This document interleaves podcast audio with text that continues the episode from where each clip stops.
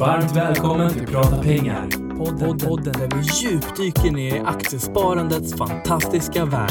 Här kommer giganten, Unga Aktiesparares VD Filip Scholtze och legenden, investeraren Niklas Andersson.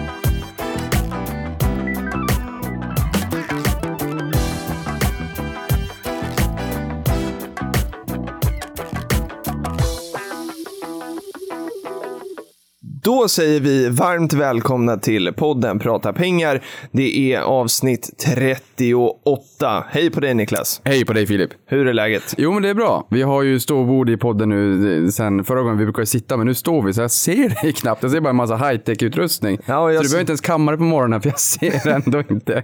Man står och tittar in i sin, i sin mick och så är det massa, ja, en massa konstigheter. Vi får väl skicka ut någon bild kanske så att lyssnarna eh, kan se hur det, hur det ser ut. Lite annorlunda men faktiskt ganska skönt att stå upp. Vi får se om rösten blir lite annorlunda. Tänk om man får lite mer kraft i rösten när man står. Ja men att stå upp bränner lite mer kalorier. Det är en högre burn rate precis som läkare eller en forskningsbra brukar ha. En hög burn rate är jobbigt om det inte är så att de kommer till kommersialisering. Och vi har en hög burn rate nu på vår på kaloriavfånget. Exakt, så är det. Ja. Och eh, vi, det är lite annorlunda idag. Vi eh, var ju ute och twittrade här i slutet på förra veckan om att vi skulle ha en hemlig gäst och att vi skulle prata börshandlade produkter. Eh, och, och här får jag ju krypa till korset och säga att jag har klantat till det lite grann. Vi har ju pratat tidigare om att det är så enkelt med att prata pengar för att eh, numret på ett avsnitt nu under det här första året är ju då bara, är ju faktiskt veckans nummer. Så nu när ni hör det här är det ju vecka 38. Men då hade jag ju sagt till, till vår hemliga gäst att ja, men välkommen fredag vecka 38. Och så tänkte jag att det är avsnitt 38. Så det betyder att han är inte här idag, utan han kommer alltså till nästa podd. Så att vi får eh, eh, skrapa lite, här. vi behöver inte skrapa i arkivet, vi har ju så mycket frågor, så att vi, eh, vi fick styra om lite grann idag helt enkelt. Men kan vi säga vem det är som kommer? Ja, det kan vi göra. Det är. NGMs vice vd, Tommy Fransson. Okej, och ETP är Exchange Traded Products, så man kan säga inte program. Det blir nästa gång istället. ETP. Ja. ja. Nu får Patrik lägga in en sån här trumvirvel igen kanske. Ja, men så är det. Eh, och apropå Patrik, Patrik är tillbaka från Sydafrika. Vi har saknat dig Patrik. Eh, så att det är, vi hade ju ett par avsnitt som vi spelade in på raden där och nu är vi, nu är vi äntligen tillbaka, vi tre i studion. Känns bra. Eh, Patrik berättade att han hade, vad var det, sett The Big Six. Ja. Eh, Och det var, kommer du ihåg Niklas, du har ju också varit i Sydafrika, men det är lite lejon och det var någon vildhund och så är det väl elefant En- kanske. En noshörning och... Noshörning. Ja, det var lite allt. Och va- Buffel också ska det vara. Ja, det Men han såg alltihop. Han, eh, ja. Och badade med vithajar. Just det. Mm.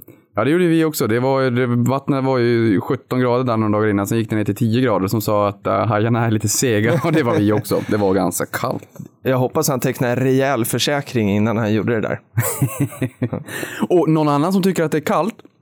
På vägen hit på morgonen så, så gick jag över övergångsstället och sen så vart det rött, bilarna stannade, så kommer lite sådana här cyklister som kör i 500 km i timmen och tvärnitar.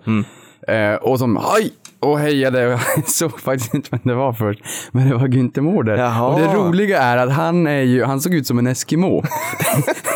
För att han hade en blå vindjacka på sig och den där huvan, kapuschongen på. Och den var så här ihopdragen för ansiktet. Så det enda jag såg var en mun, en näsa och två ögon.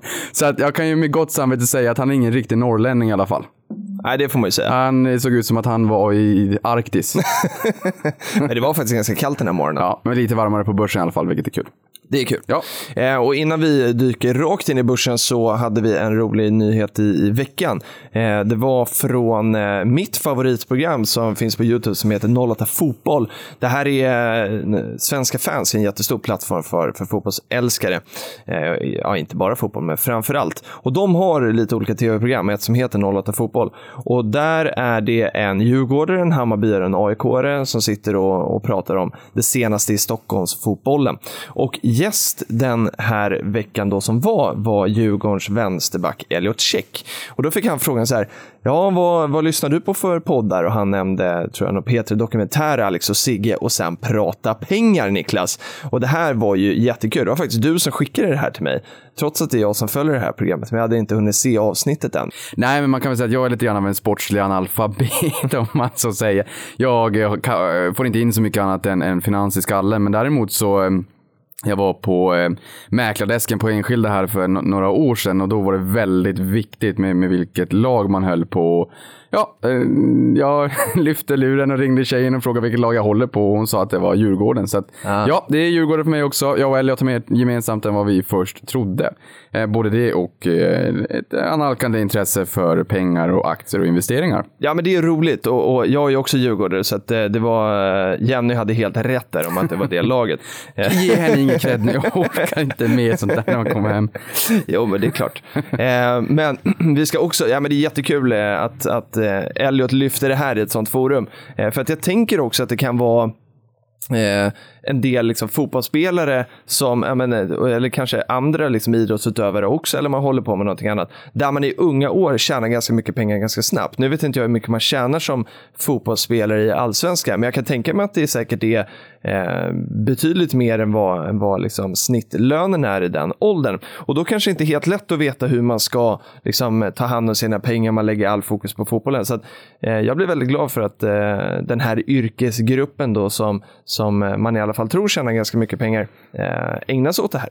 Ja, och alldeles oavsett. Jag menar, om det är så att man tjänar, mycket, eh, tjänar pengar i unga år så, att, så tycker jag att då ska man ju lägga, eh, lägga undan lite pengar och låta dem investera. För det vet vi, tid och avkastning är de två viktigaste faktorerna för, för långsiktig success. Verkligen. Och jag menar, du har ju någonstans ett bäst före-datum i sportens värld. Kroppen håller inte tusen år.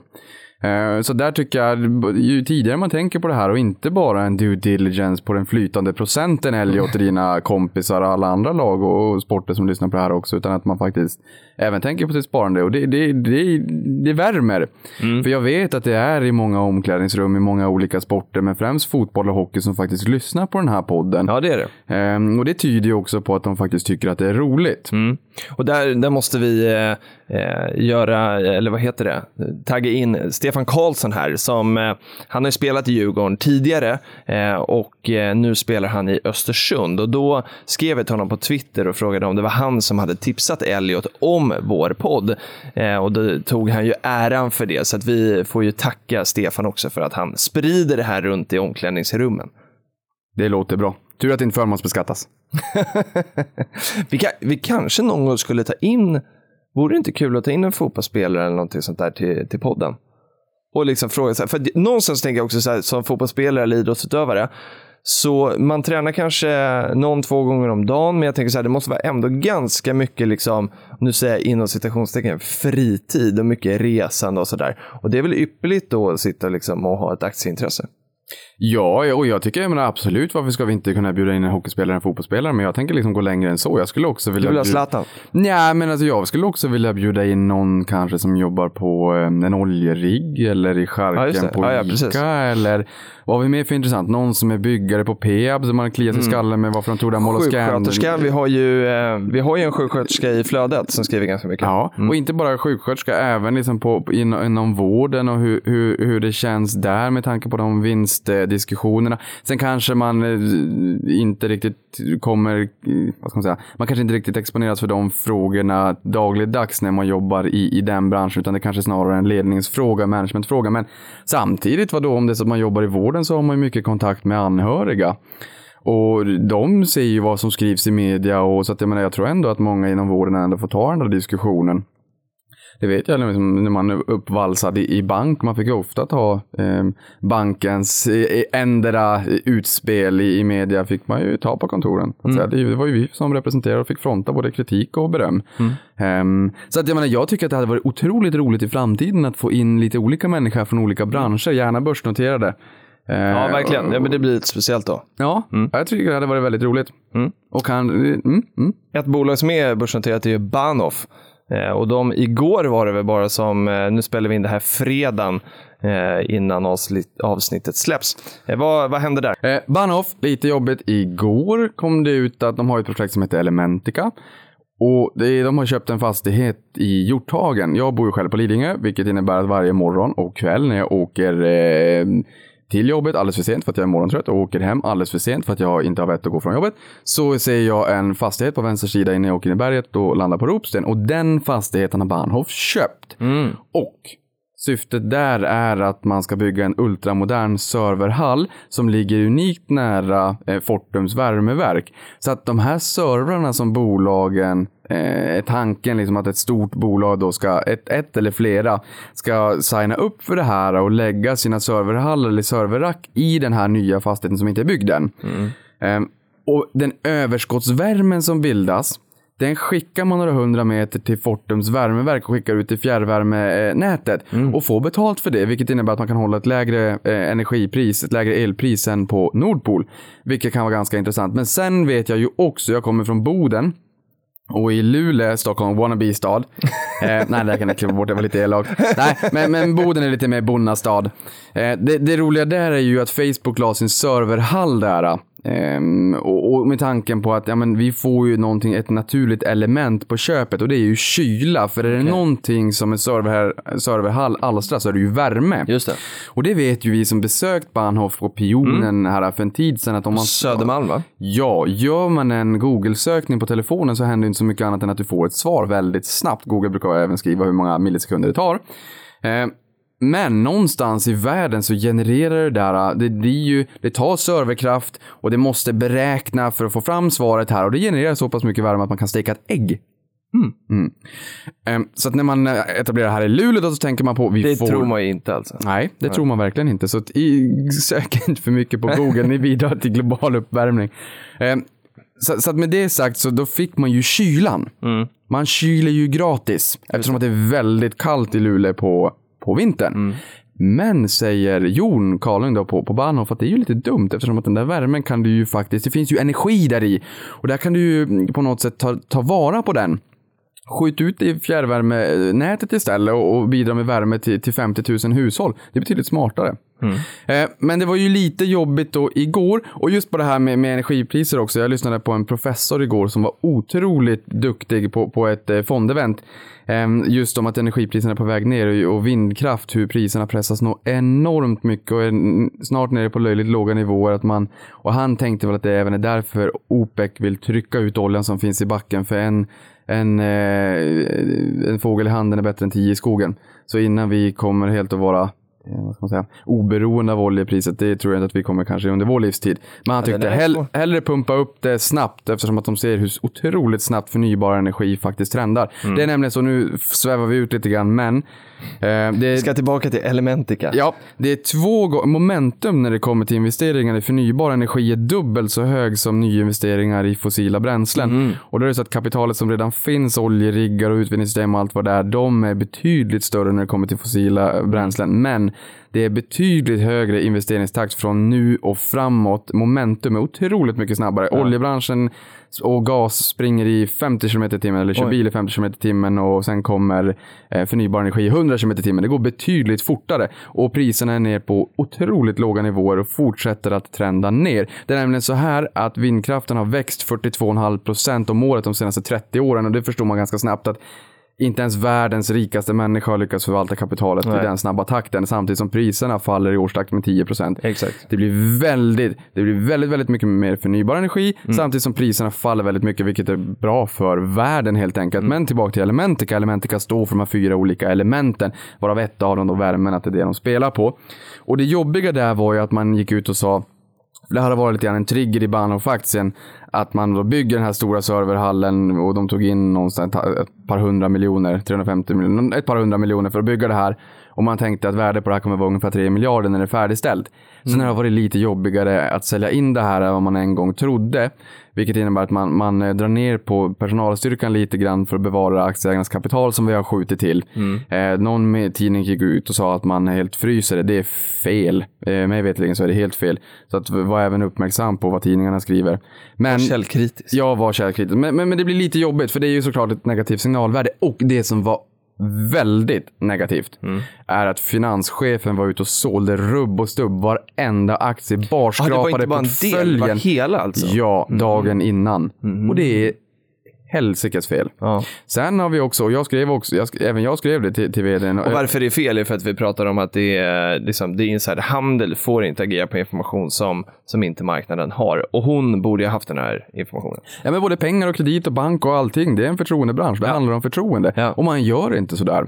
Eh, man går inte som finanschef ut och säljer rubb och stubb dagen innan det kommer ett, ehm, ett pressmeddelande som är väldigt viktigt och även kurspåverkande som gjorde att aktien gick ner 12-13 procent. Det är inte okej. Okej. Nej. Sen, eh, och även jag skrev eh, på, på, Twitter till Jon, för han finns där och sa att det här är inte okej alltså. Eh, Det är en sak att man försenar Elementicas byggstart. Det är helt okej. Det är den risken man tar i, i, i aktiemarknaden och det är därför en aktie ger bättre avkastning än sparkonto på SBAB. Ehm, Eller det- någon annan bank. Eller någon annan, ja. men SBAB tänkte jag det är statligt. Ah, jag Ehm, tänkt så. de, de brukar vara kaxiga och säga, okej. blir du nollad av din Aha, bank hos oss ja, får du ja. 0,70. Det var Ah, de, vilken bank som helst. Ah, ja. Ah, okej. Ehm, man kan inte bli ägare i SBAB. Du är delvis betala skatt. Ehm, men det som, in, det som inte är okej det är att man går ut och säljer dagen innan och det är ett Nej. signalvärde. Det är inte okej för det handlar om förtroende. Och man naggar aktieägarnas, alltså Mm. Och ägarnas du, förtroende. du är ju aktieägare också. Ja. Eh, men sen vet jag att min, min kollega eh, på, på Avanza, eh, Gabriel Iskander på Börsveckan, pratade med Jon den kvällen. Och han menade på att det, det är ledsamt och tråkigt, men hon hade faktiskt ingen vetskap eh, om det här i, Ah, det, okej. det här dotterbolaget. Aha. För det här är ett minoritetsintresse. De är, de är maj- majoritetsägare i eh, i Elementica, men man gick ut med en extern emission vid sidan av Bahnhof, så att de Mm. äger någonstans, någonstans 75 procent, ni får rätt om jag har fel. Men han säger att hon inte hade någon vetskap om det, och så kan det faktiskt vara. Ja, Så absolut. det, det, marknaden kommer säkert alltid till viss del tro annorlunda, men det kan faktiskt vara så hur som helst, det är inte snyggt. Nej. Nej, men det är det inte. Och det är tråkigt när det blir sådär. Ja, och det är väl det som är, som du säger, en förtroendebransch. Att det gäller att, även om man har tänkt det en gång, så ibland får man tänka två, tre gånger också.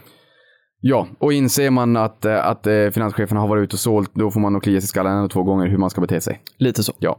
Men vi går vidare till en lite roligare sak eh, och det är under hashtag prata pengar så fick vi från Chrissy K. Eh, kanske någon Missy Elliott låter det här som ungefär. Härligt rapper namn ändå. Eh, Chrissy Key skrev att eh, hon var inspirerad av oss. Vi tänker att det här är en, en tjej. Eh, och hade öppnat ett ISK till sin dotter och det tyckte vi var super, super kul.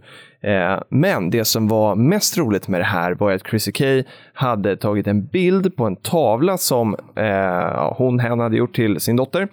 Eh, och det här, då, då stod det så här, Lydias eh, miljonärskalkylator 2016.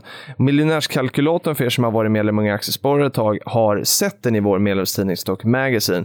Eh, vi har rullat den i många, många år. Eh, och det roliga med den här är då att då ser man väldigt enkelt i liksom ett schema att så här mycket pengar sparar jag på den ena aktien per månad och i den andra så står det eh, då eh, vilken avkastning. Då kan man se sen hur lång tid tar det innan jag har nått min första miljon. Och det här har Chrissy K då gjort till sin dotter Lydia. Superkul! Ja, och det är Och den här br- brukar man kunna se även i Stock Magazine, just miljonärskalkylatorn. Ja. Hur, hur många hundralappar man måste spara i månaden och till vilken avkastning under vilken tid för att få ihop sin första miljon. Eh, och det här är otroligt kul att se att det här hänger en sån här tavla i, i ett barnrum någonstans i Sverige för att så ett frö i, i ung tidig ålder. Det, det, det värmer gott. Man blir lite, man blir lite generad. Det är väl, nej, inte generad, men, men man ronar lite. Det, det är väldigt kul att se. Ehm, det känns sunt. Det är inte som precis när vi började spela in här så såg jag att jag fick ett samtal från Turkiet. Man kan ju se på, på, sin, eh, på sin iPhone, eh, eller kanske på andra Android också, det vet jag inte. Men vilket land samtalet kommer ifrån. Och då tänker jag att det där är säkert någon sån här superbra investering som de vill sälja på en. Det var ett tag sedan här, eh, då pratade med någon från eh, Storbritannien som ville sälja på med julgranar. Okej. De tyckte att det var en panginvestering som eh, kunde ge eh, 40 procent om året där någonstans. Det kunde vara en fantastisk investering. Ehm, Alltså julgranar i England. Ja, och det känns ju så att ja, julgranar har alltid funnits.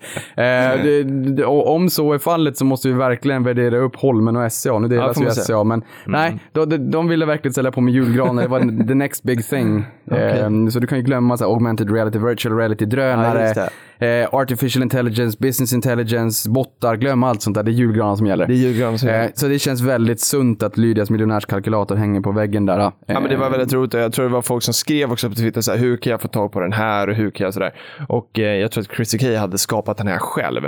Eh, kanske få ladda upp någon mall eller något sånt där så fler kan hänga på. Ja, bra jobbat Chrissy. Ja, jag tyckte det var jättekul. Eh, men nu ska vi gå in på dagens, eh, ja det blir väl första fråga. Och den här har du fått på mail, eh, tror jag Niklas, visst är det så? Eh, för då står det nämligen så här, hej Niklas och Filip inom parentes. Så att jag är bara parentesen här. Så jag får läsa frågan och så får du börja svara. Då säger den här personen att jag har totalt ett sparande, det är Therese Förlåt. Eh, Therese säger, jag har ett sparande eh, på cirka en miljon kronor och hälften är placerat i räntefonder. Eh, och där har hon faktiskt då lagt en del i eh, gratisindexfond. Eh, kan man ju undra vilken det är. Det finns ju några stycken. Eh, och sen är en del placerat i 12 olika aktier och där den största aktieposten är 200 000 kronor, alltså 20 procent av hela kapitalet i Novo Nordisk som hon köpte då i augusti. Sen säger hon så här då, efter att ha lyssnat på er podd eh, så har jag förstått att utländska innehav hör hemma i en kapitalförsäkring. Och då undrar hon, hur ska jag göra nu? Ska jag sälja av Novo Nordisk med en förlust på cirka 5 eh, under den månad då som hon eh, eh, Eh, har haft nu.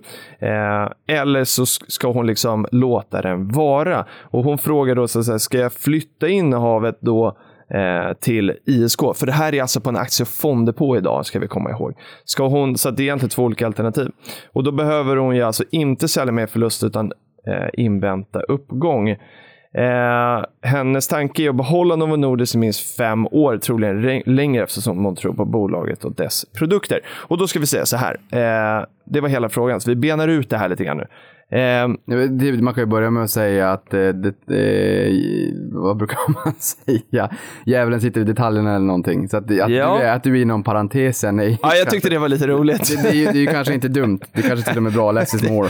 Lite så. Men vi kan bena ut det här nu. De här, om vi fokuserar på Novo Nordiska aktierna, de ligger alltså i eh, ett aktiefondkonto och här så vill hon ju få in det här i schablonbeskattat. Eh, Och då säger hon så här, ska jag flytta det till kapitalförsäkring eh, och ta förlusten, för hon har då en förlust hon köpte dem i augusti, eller ska jag flytta dem till, eh, till ISK? Vi har ju tjatat om utländska eh, innehav ska på kapitalförsäkring. Och om vi börjar med att svara på det, varför säger vi det Niklas? Ja, och det där är viktigt också. Det, anledningen till varför utländska värdepapper ska ligga på en, i en kapitalförsäkring är för att försäkringsbolaget hjälper till att jämka eh, kupongskatten, alltså utdelningen man får. Ja. Men det här är också viktigt att säga att alla gör inte det. Nej, Men jag kan med gott samvete säga att de två mest klarast lysande stjärnorna i Sverige, Avanza och Nordnet, gör det. De andra bolagen vet jag faktiskt inte riktigt varför man, varför man ska ha sina pengar i. Om jag ska vara helt ärlig, ni, så. Eh, De två Du gör jobbar det. också på Avanza, så du är lite jävig här. Eh, Det finns en anledning till varför jag jobbar på Avanza. Eh, jag behöver men jag- inte pengar för mat på bordet. Det, det som är viktigt i det här och varför man där ska ha det, de hjälper till att jämka och vad det innebär. Vi har lite olika dubbelbeskattningsavtal mellan olika länder. Eh, vanlig kapitalskatt är 30 procent. Eh, och när man får utdelning från utländska eh, aktier så brukar man kunna få tillbaka hälften, det vill säga 15 procentenheter av, av de här 30 då, som dras i skatt. Och de där sista, de brukar landet hålla inne på. Eh, men, men man kan faktiskt jämka för att få tillbaka den där slanten pengar. Så är det. Eh, och det gör försäkringsbolaget åt en när man har en Exakt. kapitalförsäkring. Man äger ju inte aktierna själv i Nej. juridisk mening, utan man har ju en fordran på bolaget. Ja. Eh, så det där går ju betydligt smidigare än en ISK, för då måste man göra det själv. Mm. Och sen eh, finns det tak för hur mycket man får dra av. Eh, men sen är det också så där att du har ju ett, ett intjäningsår eller när bolaget tjänar in det, sen så när de delar ut det och sen ska det jämka och sen ska man få tillbaka det. Så att det tar upp två, tre Ja, år. exakt. Men, men det är ändå så pass att försäkringsbolaget faktiskt gör det åt en. Sen finns det lite undantag i vissa olika länder där man kanske måste få göra det själv. Eh, Så det är ändå det bra att vara om sig och kring sig. Fråga din Ja, bank eller nätmäklare hur, hur man ska bete sig. Det. I, och ofta är det väl kanske så i dagsläget att många har ehm, aktier om vi tittar på utländska marknader. Sverige, Norge, Finland, USA och Ja. kanske då lite Kanada också. Tyskland kanske. Eh, Tyskland. Så att kolla, kolla vad som gäller om det är så att nu börjar vara lite volymer så att det blir lite utdelningar. Precis. Eh, Men, men det, vi, och det vi måste bara svara också här enkelt är att, för hon säger att om jag flyttar till ISK så kan, för det, hon har ju helt rätt i det här, det går ju att flytta aktier från en aktiefond till ett ISK, men det går inte att flytta till en kapitalförsäkring. Då får man sälja av och sen köpa på nytt. Ja. Men det hon menar här då med att flytta till ISK så säger hon att då slipper jag ju, eh, då slipper jag ju sälja den och därför kan vän- invänta uppgången. För hon vill ju få över dem till ett schablonskattat skal. Men det här är fel. Ah, Eh, det där blir en delikat fråga. det är en delikat fråga. För att hon, du, alltså Therese har ju rätt i sak här. De flyttas, de kommer inte säljas och köpas. Men när de flyttas från ISK eller från eh, depå till ISK så blir det en liksom, inom citationstecken försäljning, en skattemässig försäljning. Så att eh, din bank kommer rapportera in det här till Skatteverket och säga att du har sålt till det här priset och då har du realiserat en förlust, även om du faktiskt har kvar aktien i en annan depå. Så att det alternativet, eh, ja, det alternativet finns ju, men, men då kan du lika gärna sälja och köpa på kapitalförsäkringen egentligen. Jag skulle kunna säga vad jag hade gjort. Eh, kapitalförsäkringen, som du säger, där går det ju bara att flytta in likvida medel. Det Ja. går inte att flytta in värdepapper och det är lite synd och det kanske man... Jag vet Det är inte lite vilka, trubbigt. Ja, jag vet inte vilka begränsningar som ligger där i, men det är förmodligen någon... någon eh, De har fem- inte tänkt till. tror jag. 1500 sidor paragraf, Ja. sidan 478 längst ner. Men det går bara att flytta in likvider där, så att där, där kan man inte flytta in värdepapper. Det kan man ju som du säger, det kan man ju faktiskt göra i ISK och det blir en skatteteknisk försäljning. Ja. Vilket innebär att man, och det där är också lite viktigt, eh, och speciellt om det blir större volymer, vilket, vilken kurs som eh, banken eller nätmäklaren räknar på när man rapporterar in till Skatteverket. För det är inte heller självklart att det är till precis den sekund du flyttar det. Eh, jag vet i alla fall på, jag kan bara prata för Avanza, det blir, liksom, det blir inflyttat samma sekund som du trycker på överför-knappen. Eh, men ibland kan det vara så här högsta kursen den dagen eller lägsta kursen eller den genomsnittliga kursen och är det då en aktie som är väldigt volatil så eh, ja, men kolla på Bahnhof igår. Ja, precis. Då kan det ju snurra lite grann. Det, då kan det snurra lite grann. Men det blir en skatteteknisk försäljning in. Fördelen är om det är så att man flyttar in en, en utländsk aktie från ett aktiefondkonto till en ISK, att du slipper säljkortage, du slipper kursrisken från det att du har sålt dem till dess att du har köpt tillbaka dem och Mm. du slipper köpkortaget. Så att det är ju mer fördelaktigt, men som Jo, du det är det säger, ju. det, är, det räknas som en försäljning. Ja, det gör det. Och huvudfrågan här är ju någonstans eh, liksom varför man ska ha en kapitalförsäkring för att, för att kunna jämka skatten på utdelningen. Och, och där är det så att för, det blir för, mer fördelaktigt att ha en kapitalförsäkring just med utdelning och försäkringsbolaget hjälper Mm. dig. Det blir smidigare, det finns ingen taknivå på hur mycket eh, du kan få tillbaka på den här kupongskatten. Ehm, det, enda, det, enda som är, skulle man väl kunna säga, jag föredrar att ha det i kapitalförsäkring eller i sentimentet, de flesta eh, konsensus föredrar det nog att ha i en kapitalförsäkring. Men det du exponerar dig själv för, det är säljkortaget när du säljer en Novo Nordisk, Ja. det är kursrisken för hur Novo Nordisk rör sig från det att du säljer dem på ett aktiefondkonto, flyttar in pengarna på kapitalförsäkringen och sen köper och sen blir det köpkortaget. Det är det man exponeras för. Exakt. Eh, och sen säger ju Therese här att hon tänker ha dem i fem år, för hon tror ju mycket på dem. Eh, och det ligger ju också lite till grund för hur Therese ska tänka eh, med om hon ska ha kvar dem på, på depån eller om de ska liksom flyttas in i schablonbeskattat. Eh, att flytta in det till schablonbeskattat om hon ska ha dem på fem år och tro att de ska gå upp, eh, det räcker med att de går upp då mer än 1,42 som är den här liksom, eh, tumregeln för när det är värt att ha det på ett schablonskattat skal. Eh, och tror hon det så ska hon ju absolut flytta in, men det är ju samma sak där, man har ju ingen aning. Ja, fast där är det väl sådär, jo, nej, man har ingen aning, men man har en liten, man skulle kunna ha en hunch, eller en feeling. Därför att, Ja, men det är det jag menar. Man ska ju gå på sin feeling, men Ja. vi vet ju inte. Nej, nej, vi vet inte. Nej. Nej, men, men det som är där också med Novo Nordisk, det är ju att det, det är klart, det är ju tråkigt när det går ner. De kom ju med en, eh, en eh, ja, de sänkte ju helårsprognosen då. Det kanske var lite ökad konkurrens i USA och sådär också. Men jag menar, det här är ju ett världsledande bolag. Det är ju H&M i läkemedelsbranschen. De har lite blödarsjuka och eh, vad heter det? Eh, diabetes som är deras stora paradgren. Eh, och det vet jag enskilda också var ute och sa att det här är ju bolag i världsklass. Ehm, så att visst, det, blir lite jobbigt eh, kortsiktigt, men, men, men samtidigt så får man ju gå. Det blir lite grann som H&M faktiskt. Man kan dra paralleller mellan, tycker jag, mellan Novo Nordisk och H&M. Ja, Eh, Just att det är kvalitativa Storheter. bolag som har lite, lite utmaningar i, i det korta och kanske Mm. långa perspektivet. Men jag har äger Novo Nordisk också. Jag med. Det intressanta här är Båda vi har i kapitalförsäkring. Ja, det följer ju väldigt mycket och så är det så att visst, det är ju tråkigt. Eh, Therese här har en förlust Mm. på, på eh, aktiefondkontot, men samtidigt är det så att varje krona som, eh, som det går upp med Mm. så, ja, i och för sig, inte upp till noll för då, då blir det ju ingen skatt. Nej.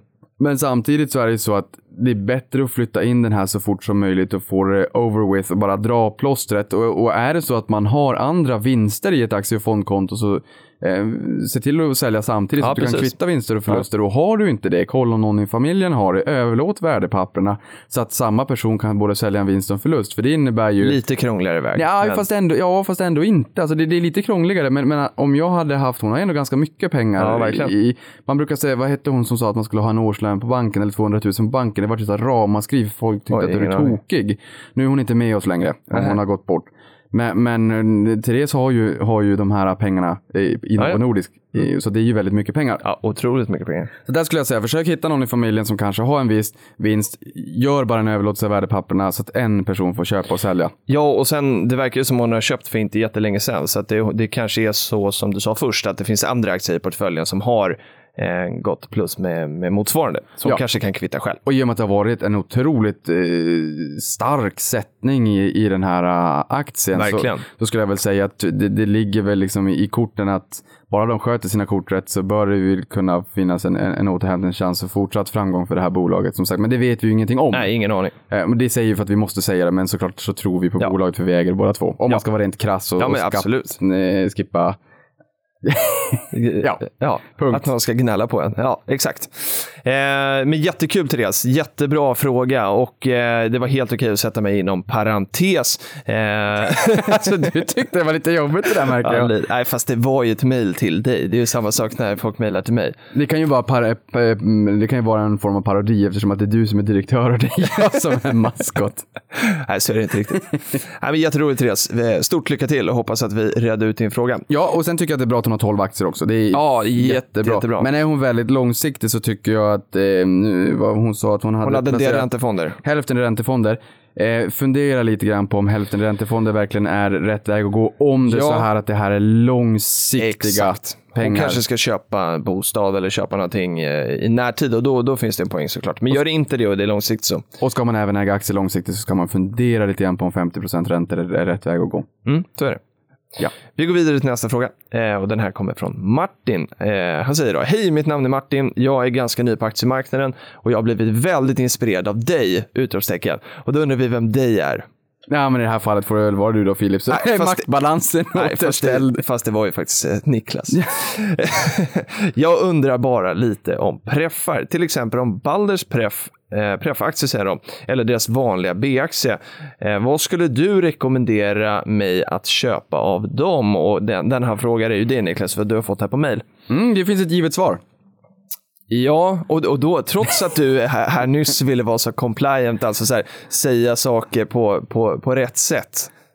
Nej men du, det är det som på jobbet. Jag är compliance eller, eller legal-avdelningen. Nu springer jag efter mig ibland. Jag är... Fast vi kan, okej, ja, nu skojar vi lite grann bara för er som, eh, som undrar vad vi håller på med. Men inom bank och finans och så här, försäkring och sådär så finns det någonting som heter compliance. Och compliance handlar om att det vi pratade om inne här med förtroendebransch, eh, att det väldigt mycket bygger på förtroende det handlar om att so- göra saker rätt. Och i det här fallet då när Martin frågar här, vad rekommenderar du, alltså Niklas mig att göra, så är det så att det finns lite lagar och regler för vad, eh, vad som behöver uppfyllas för att Niklas ska få ge rekommendationer.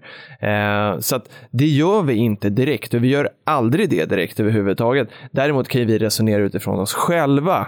Eh, och i det här fallet då när han frågar om ska jag köpa Balder Pref eller ska jag köpa Balder B-aktien, där Niklas, du äger ju faktiskt båda, eh, så kan ju du resonera kring det här, för vi förstår ju liksom vad finns bakom frågan. Ja, och det här är precis, det här blir lite intressant. Det är en förtroendebransch och all, all, allting vi säger här är en rekommendation fast det är inte en rekommendation. så att man kan tolka det som om du, om du jobbar på en avdelning så ska vi sätta dit och så här är det här ingen rekommendation.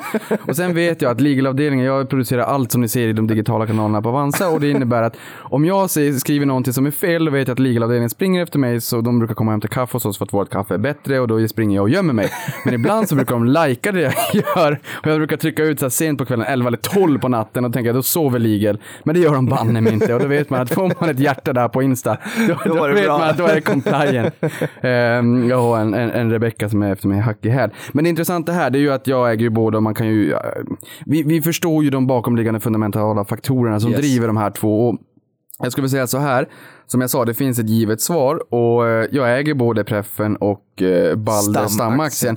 Och jag äger Balder Preff i min amorteringsportfölj och den brukar inte jag prata så mycket om av en enkel anledning att det här är inte en långsiktig portfölj för just nu finns det spread case för att vi ett antal tusen år hade Spreadcase plusränta. var, nu är det grekiska. Ja, det är det. Eh, Vi hade ett antal tusen år med, med positiv ränta och nu har vi negativ ränta sedan 18 februari förra året, vilket är helt uppåt väggarna och det har dykt upp möjligheter som inte har funnits tidigare. Och Spread case är det, det är faktum att jag en gång i tiden jobbade på storbank och lånade pengar till 0,25 och då lånade jag upp en miljon och sen så placerade jag på Preffa som, eh, som yieldade 6,5-7 procent. Delade ut alltså. Det delade ut. Yieldade en gång i kvartalet. Så gav de här, det här bolaget eh, säger då att vi delar ut 20 kronor om året och det fördelas på eh, kvartalsbasis. Det kapitaliseras på kvartalsbasis och man får en femma i kvartalet. Just det. Eh, så att det trillar in pengar på kontot som jag antingen kan köpa fler Eh, fler eh, preffar för eller mata mina vanliga långsiktiga portföljer med eller rent av eh, amortera lånet eller döda lånet. För amortera eh, morte, det är ju att man dödar lånet om, om man ska liksom lång, gå lång i vad själva ordet betyder.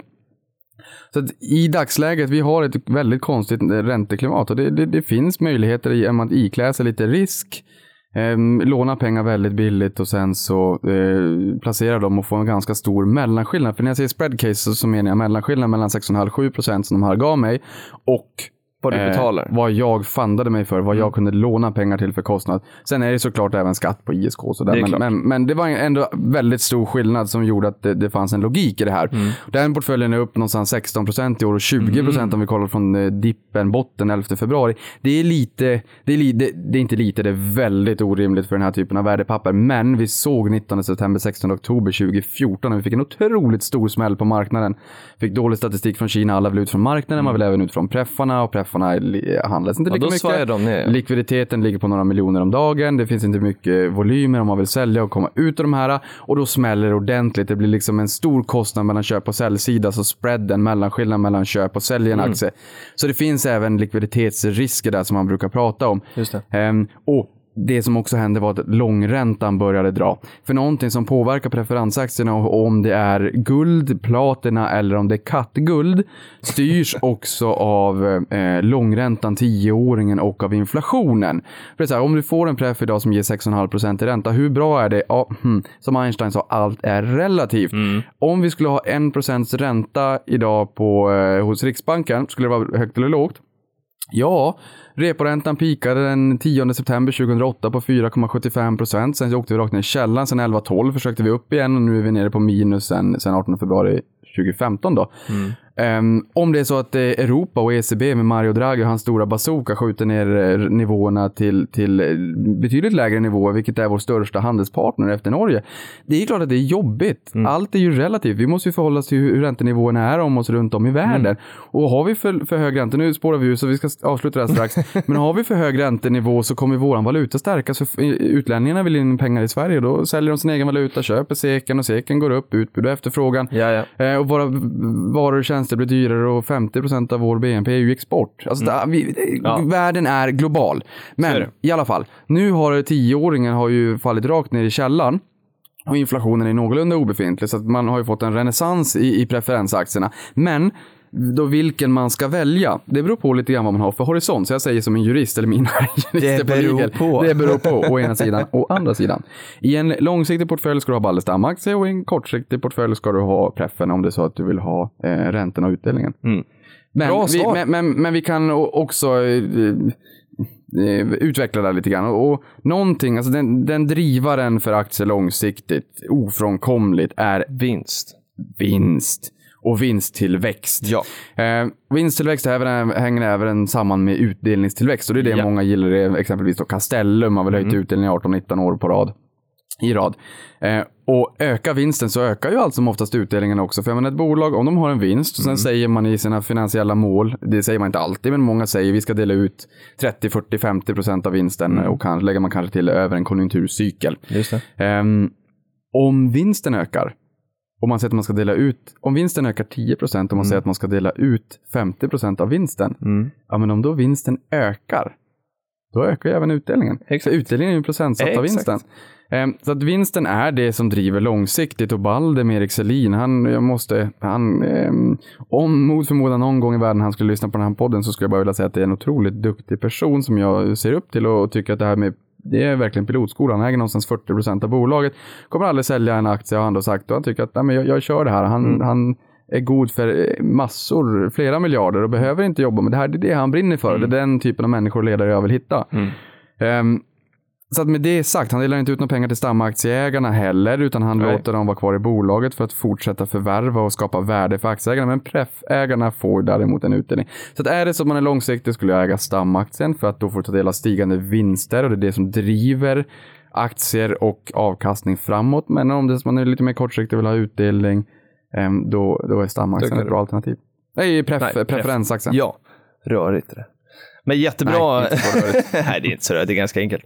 Jättebra fråga Martin. Nu ska vi ta dagens eh, sista fråga. Och den kommer från eh, Tony. Eh, han har också skrivit till dig Niklas. Idag var det fokus på Niklas eh, frågor. Eh, han vill först tacka för en bra podd. Tack för det Tony.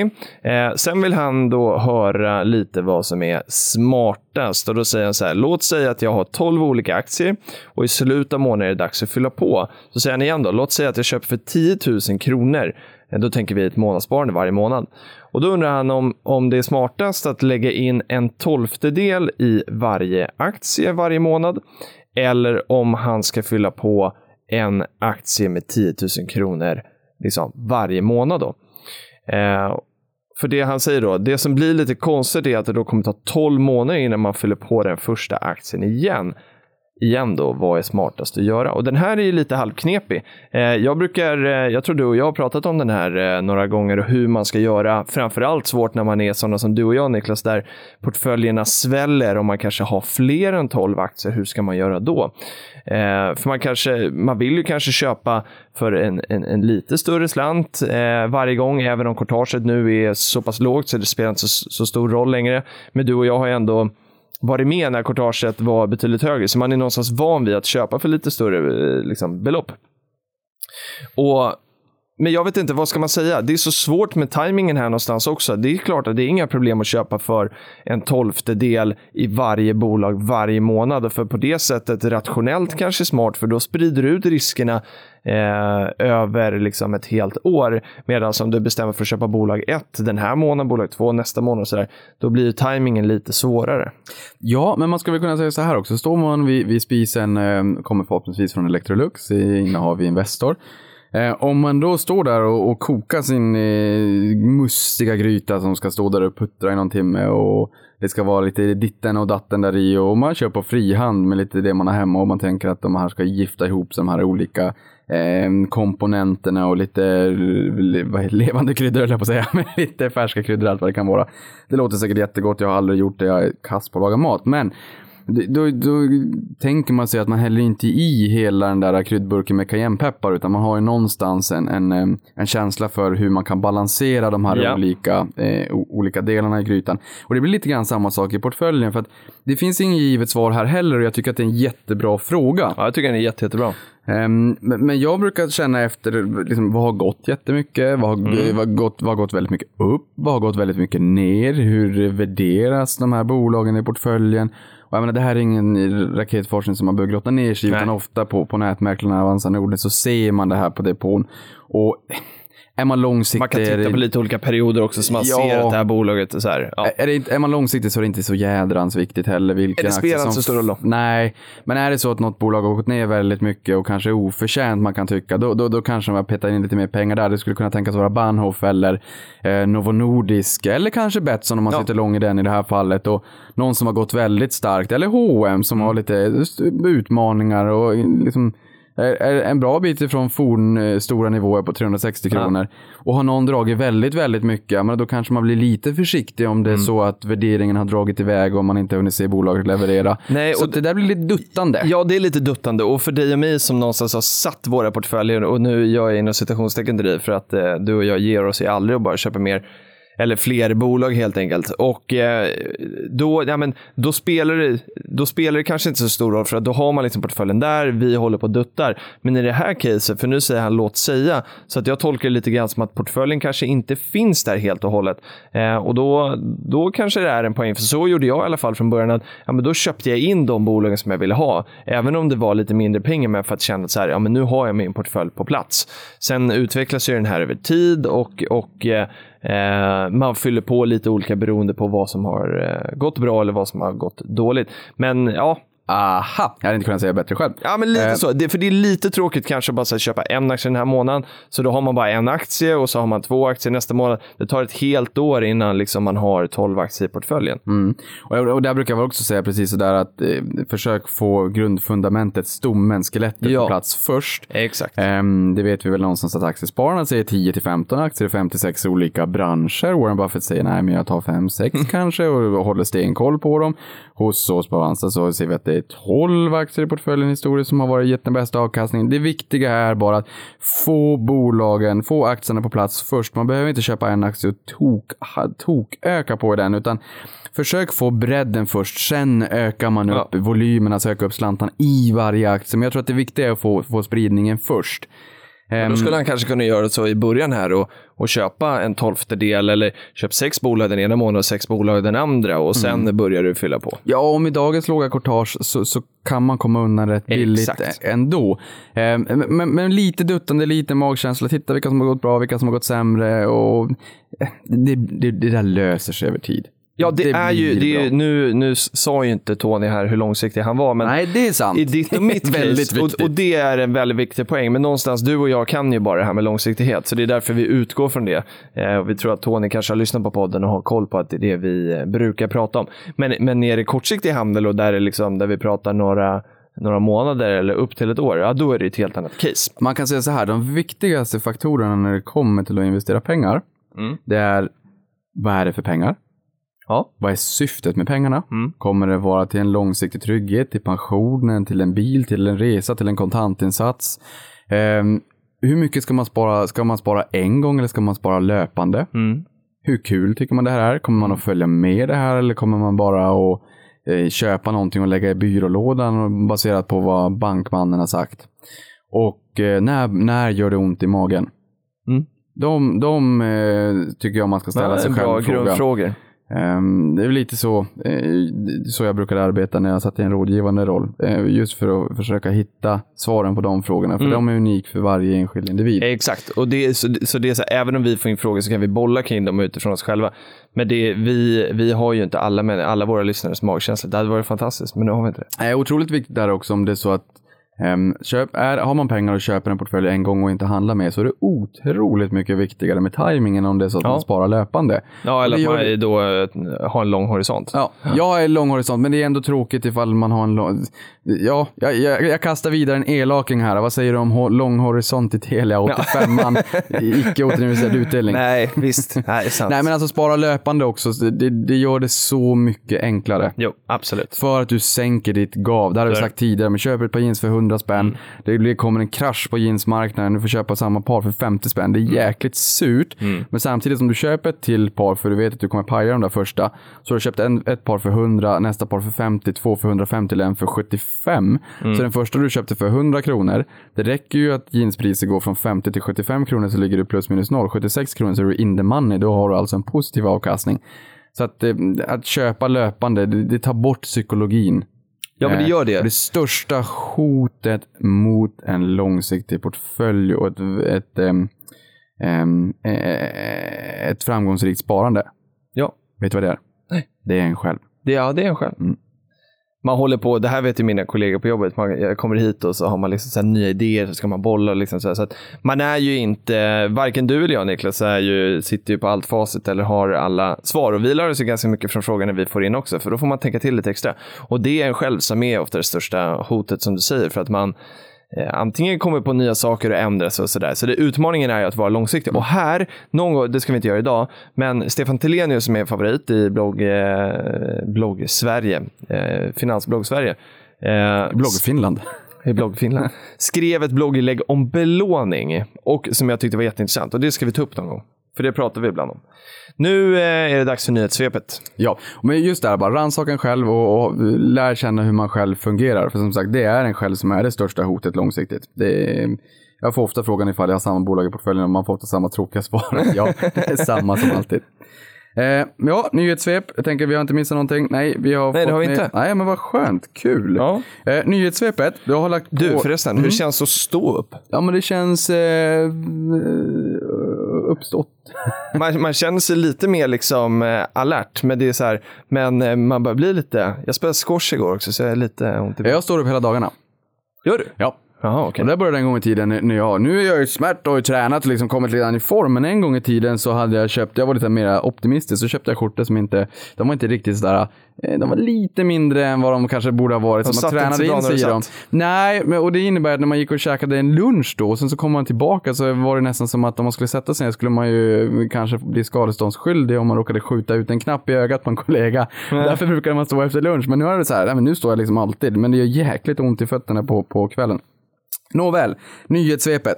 Eh, jag har kommit på en strategi för nyhetssvepet för att vi hade ju en gäst idag och jag skulle inte ta så mycket nyhetssvep för vi skulle inte riktigt ha tid och då fick jag ändå tre A4-sidor som jag skrev ihop. Och då tänker jag, jag pratar snabbare och sen så kan ni, om den här möjligheten finns, att man sänker hastigheten på, på podd, poddappen. För vi har ju haft folk som har lyssnat till 1,5 gångers hastighet och tyckt att vi pratar som Som att dra galningar. ner till fylltempo. Ja, dra ner till 0,5 så låter det normalt så hinner vi med mera helt enkelt. Det är nog helt okej, kör på det. Jag kör. Eh, igår, så vad var det för dag igår? Datum? Igår var det den eh, 15. Igår var det 15 september och vad betyder det? Det betydde att en jättestor bank eh, hade jättemånga människor som gick utanför dörren Ja. med lådor i handen. Ja, eh, finanskrisen som vi kommer ihåg det började den 13 juli 2007 och vände någonstans 27-28 oktober 2008. Vi var ganska väl, eh, den eh, varade i 473 dagar ska vi också säga och eh, Ehm, den var ganska mogen när vi kom till den 15 september 2008 när Lehman Brothers föll, gick omkull och lämnade Chapter 11 i USA om man sa att eh, man, släppte den. Den kollapsade helt enkelt och det var en otrolig chock för marknaden. Skapade en otrolig chockvåg över världens finansmarknader som får den 4 januari och Kina eh, i år att verka eh, som en liten lätt havsbris. Ja. Eh, Det här är alltså åtta år sedan nu som Lehman Brothers föll. Man kommer ihåg det som igår. Det var den största konkursen i världshistorien. De hade alltså eh, tillgångar eh, på över, nä, nästan eller till och med över 10 000 miljarder. Och när jag säger det så hade de ju, eh, ett bolag består ju både av aktier och, eh, eller eget kapital och främmande kapital. Så om man tittar på balansomslutningen, alla tillgångar de äger, oavsett om det är fundat via aktieägarnas eget kapital eller långivarnas lånade pengar, så var balansomslutningen lån och, alltså fordringsägare helt enkelt, som har lånat ut pengar och vill ha dem tillbaka och aktieägare som har ställt eget kapital, så var det otroligt mycket pengar.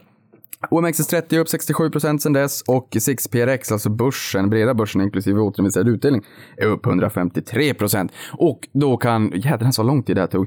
Då, då vill jag bara säga att du, i Unga Aktiesparare, vi ordnade en resa till USA och Ja. då träffade vi Ray Nadler. Nu var det lite taskigt, vi ska inte sagt hennes namn, men hon lyssnar kanske inte på den här podden för hon kan inte svenska.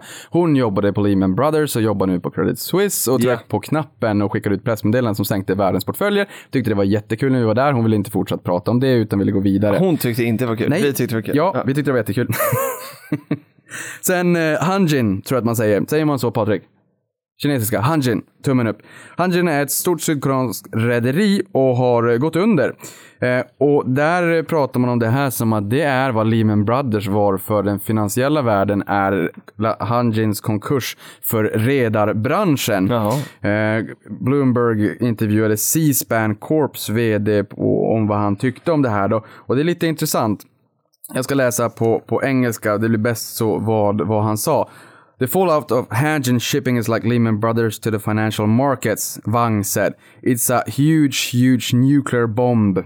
It shakes up the supply chain, eh, supply chain, supply, supply chain, Uh, the cornerstone of globalization. Då förstår man hur eh, otroligt stor händelse det här faktiskt är. Verkligen. Det leder till flykt mot säkerhet och stigande fraktrater och det brukar vara en sån där konjunkturindikator som kopparpriset som för sin stora globala spridning i olika eh, branscher och, brukar man kunna liksom se kopparpriset som en lite grann av en indikator för vart konjunkturen befinner sig, likaså fraktrater.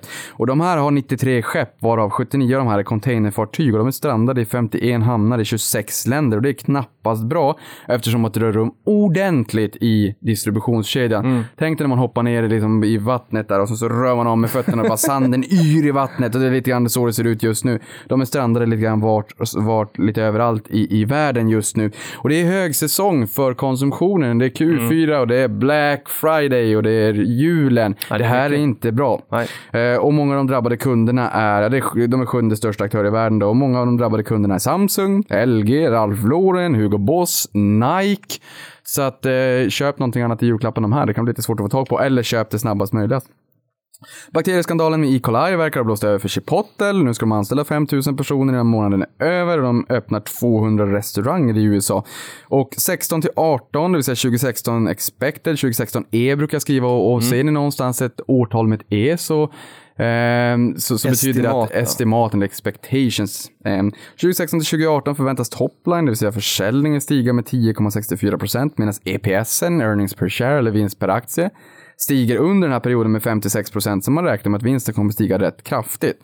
Um, aktien har stigit, och det här är inte sagt att man ska köpa den för det, för det kan redan vara inräknat och, och ligga i förväntningarna. Så man får titta lite grann på P talet Ser man ett stort, högt P tal i ett bolag, så man tänker att jädrans vad P talet är högt. P talet är alltså price earnings, aktiens pris i förhållande till vinsten. Eh, Det är så här prislappen egentligen på en aktie. Om den är väldigt, väldigt hög så kan man tänka sig, okej, vad beror det här på? Då kan det just vara det här att det ligger förväntningar om Just. otroligt snabbt stigande vinster, för då faller P talet Eh, Den har stigit 873 procent sedan 2006, vilket blir 24 procent på årsbasis om man räknar på 10,5 år, men minus 45 procent sedan toppen 5 maj förra året och med det här utbrottet och allt vad det då var. Clas Ohlson öppnade nyligen sin andra butik i Hamburg. Upptagningsområdet är 250 000 invånare. Det var massa ballonger runt entrén och folk såg glada ut. Se hur det går för Clas Ohlson då. Det var ju någon analys i Nej, det var en, eh, det var en intervju i Aktiesparen i, före sommaren tror jag. Där man eh, intervjuade Claes Balkov som nu ska vidare. Eh, och, det, och det verkar ju som att de har ju haft det lite tufft med, eh, med sina export. De var ju i, eh, eller alltså ja. Det är och- U- UK och Tyskland. UK och Tyskland. Lite, ja. lite si och sådär. Så vi hoppas det går bra för Clas Ohlson. ja, det hoppas vi. Och han tar över Anders Strålmans jobb då på, på eh, Axfood, men han kommer vara kvar Exakt. som rådgivare ett tag. Så att menar, det där är en ganska lugn eh, nedtrappning inför pension för Anders då. Han ska vara kvar och se till att, att, eh, att nya vdn kommer in Ja. bra i, i jobbet då. Telia behöver i- betala runda slängar någonstans 12 miljarder om det går med på en förlikning avseende etableringen i Uzbekistan. Vi kommer ihåg att eh, ja, det, det det var väldigt mycket Eh, väldigt mycket runt omkring deras förehavanden i länder där Mm. det är inte är lika lätt att göra affärer. Och de hade, ja, det var lite tråkigheter där. Eh, sen kan man också koppla ihop att Telias iPhone 7, det var fel prissättning. Det var någonting med momsen där på morgonen när iPhone skulle släppas. Ah. Förhandsbokningen den 9 eh, september. Och de kunderna som bokade på det för drygt, drygt 2000 kronor billigare får behålla priset. Telia Company, vilken flopp, men samtidigt snyggt att kunderna får behålla. Det är klart. Eh, Men som sagt, som vi brukar säga i den finansiella världen, it's a one-off. Det kommer, alltså det är en jämförelsestörande post. Eh, Forbes, eh, vad står det där? Jo, jag såg det att Forbes, iOS 10, nya operativsystemet för iPhone. Jag har eh, installerat på en av mina två telefoner. Jag har kollegor som inte vill installera det för de vill känna att iPhone 7 skulle vara en helt ny telefon när de fick den, eller får den, men jag kan inte vänta. Ehm, Så jag har installerat det och då såg jag att mobila betalningar kommer till iMessage. iMessage är ju eh, iPhones eller Apples eh, meddelandetjänst då som skickas via, via wifi. Ja, ni vet vad det är. Det skickas 200 000 meddelanden i sekunden. Där ska man också kunna skicka pengar. Och där, det Nu där, pratar vi. ja, det där är innovation på riktigt. Eller det, det där känns spännande. Och bara kunna så här, pang, skicka iväg och sen skriva beloppet och sen så vart i världen du än befinner dig så Ja. har du pengarna på kontot. Coolt. Eh, sånt där ger mig gåshud och det där är väldigt spännande. Playstation 4, eh, eller Playstation Virtual Reality på G, kommer i oktober. Frågan är om det är ett must buy. Rune Ljunggren på Twitter hjälpte mig att förstå hur det hela hänger ihop. Han var lite nördig kring det där och var stolt över det. Jag är stolt över att han fanns där för att jag är inte lika nördig, så han hjälpte mig. Smartmannen tyckte att jag skulle sälja till hon, mitt PS4 till honom och fokusera på börsen istället. Sen kommer Fredrik Lindgren in, alltså det här är inte, jag, det är folk på Twitter helt enkelt. Fredrik Lindgren kommer in och tycker jag skulle vänta tills Nasdaq släpper en app istället för jag ska fokusera på börsen där också. Eh, Öre och Krona tyckte att det var dumt att köpa ett PS4 och att man ska köpa mera aktier istället. Och sen David Mast, de tycker att man ska, det är en typisk pryl som man tycker att en kompis ska köpa och så går man dit och besöker kompisen lite oftare istället. eh, det är jätteroligt att höra vad ni tycker om, om eh, Playstation 4 och, och eh, Playstation VR, alltså virtual reality, det här eh, som kommer nu då i oktober. Eh, Tipsa oss gärna om ni tycker att det är en must buy eller inte. Jag är faktiskt lite löjligt nyfiken för att jag har börjat snöa in lite på virtual reality. Jag tycker det är häftigt. Nu får du en sista. Eh, Ja, eh, jag var snabb på som tusan. Unilevers vd var ute och pratade om problematiken med låg tillväxt samtidigt som bolagen eh, är lite kortsiktiga och fjäskar för investerarkollektivet med extrautdelningar och återköp istället för att investera i verksamheten och borga för framtida tillväxt och skörda frukter i framtiden. Det här börjar bli ett problem att bolagen, när, inte, när vi lever i en värld som inte har så mycket tillväxt, att man istället börjar få, att man fokuserar på extrautdelningar och eh, ökar utdelningskvoten och, och fokuserar på återköp. Det är inte bra. Det, nu är det snabbt. Tyska life science-bolaget Bayer köper Monsanto, vilket blir historiens största köp i Tyskland. Det är större, 60% större än tvåan. Eh, Market Watch skrev att medianinkomsten i USA steg 5,2% och det är den största ökningen sedan 2007. Antalet fattiga minskade från 14,8% till 13,5% och andelen människor utan för, sjukvårdsförsäkring minskade till under 10%. Och det är första gången på två årtionden som de här tre siffrorna stiger simultant. Mm. Eh, SME bjöd på en graf som visar att börsens sektorer gör ett fint eh, Q2, andra kvartal, där alla sektorer tillsammans, man slår ihop de här, slog marknadens förväntningar. Och det andra kvartalet i rad, Q1, Q2, där marknaden ackumulerat slår förväntningarna eh, jämfört med vad eh, analytikerna har förväntat sig. Så att vi kanske sakteligen börjar se upprevideringar av estimaten. Vi har ju alltid sagt att vinsterna kommer vara si och så, sen har vi fått revidera ner och hade fel. Plötsligt händer det. Tyska tioåringen är inte längre en förlustaffär. Den 14 september steg den till makalösa 0,07 procent. Så det är, du kan bli ekonomiskt oberoende om du sparar några tusen år. Sen hade vi blankningsrekord i F eh, Fingerprint och intrigerna fortsätter. SCB börjar plocka upp eh, aktien också för analys och de säger köp. Sen har vi eh, Ola Johansson skickar bilder från Sypen och visat både Star på Twitter och visat både Starbucks och Kopparbergs finns där. Vi tycker det är jättekul när folk vad skickar bilder. Det var en, även Aktieriket skickade bilder från Just det. Voyager of the Seas tror jag att skeppet hette. Världens största nu eh, livslevande, det lever ju inte så mycket men skeppet eh, Royal Caribbean. Och där fanns Starbucks. Ja. Tycker det är lite roligt när, när våra lyssnare skickar, skickar bilder på, på olika varumärken runt om i världen. Eh, jäkligt häftigt. Eh, Buffetts innehav Wells Fargo är inte längre världens största bank. Det är JP Morgan numera. De hade två miljoner phony accounts där de hade öppnat upp eh, fake-konton och dragit pengar från kundernas konton till de här fake-kontona. Man sparkar eh, 5000 människor, eller har gjort de senaste åren Mm. efter det här. Sanofi och Henkel. Henkel äger Barnängen och Schwarzkopf. Det är de två första bolagen i världshistorien mig veterligen som har fått låna gratis. De har lånat till minus 0,05. Det är en historisk händelse. Lindorf, eh, konkurrent till Intrum Justitia, är på väg till börsen. Resursbank förväntas, eh, eller jag fick en bot, den anmärkte Finansinspektionen. Jag tror boten låg på 35 miljoner, jobbigt. Danska smyckestillverkaren, eh, danska smyckestillverkaren Pandora växer i snabb takt på den asiatiska marknaden. Och de öppnar en butik i veckan i Kina. Och den absolut sista, Nils Pettersson och Marcus Eriksson på Twitter där också skickar en bild när de står utanför Clas Ohlson och de var där på stämma. Man ser de två väl uppklädda, prydliga grabbar i unga år och sen så alla pensionärer runt omkring. eh, som skickar bilden till oss och sa att de var där. Eh, jag tycker att det, det är också jäkligt roligt. Bra grabbar, Ja, hoppas ni hade roligt på stämman. Och den kanske vi ska åka på nästa år. Jag tror att vi pratade om att vi borde åka på den i år, men det går så, ja, tiden går fort alltså. Ja, men jag hade en kompis, Anders, eh, som, från studietiden på ja. gymnasiet som jobbar där. Ja, vad kul. och sa att var du här? Så nej, det var jag inte, så jag får komma nästa år då. Ja, vi får göra det. Ja. Kanske får vi köra live från eh, eh, Clas Ohlson. Nu höjer vi oss själva lite väl. Det Nej, men- tror jag inte. Nej, jag menar inte på scen. Jag menar att vi kan stå där i någon lagerlokal Ja, det och så kan vi göra. eh, spela in. Det kan vi däremot göra. Har vi fått någon liten present kanske man får där också. Exakt. Ja. Ja, men toppen. Jättetack för eh, idag Niklas och tack till dig Patrik också. Och tack till alla lyssnare. Härliga frågor ni skickar in och kommentarer. Vi hörs igen nästa vecka. Stort tack Ha det hörni. Ha det gott. Hej.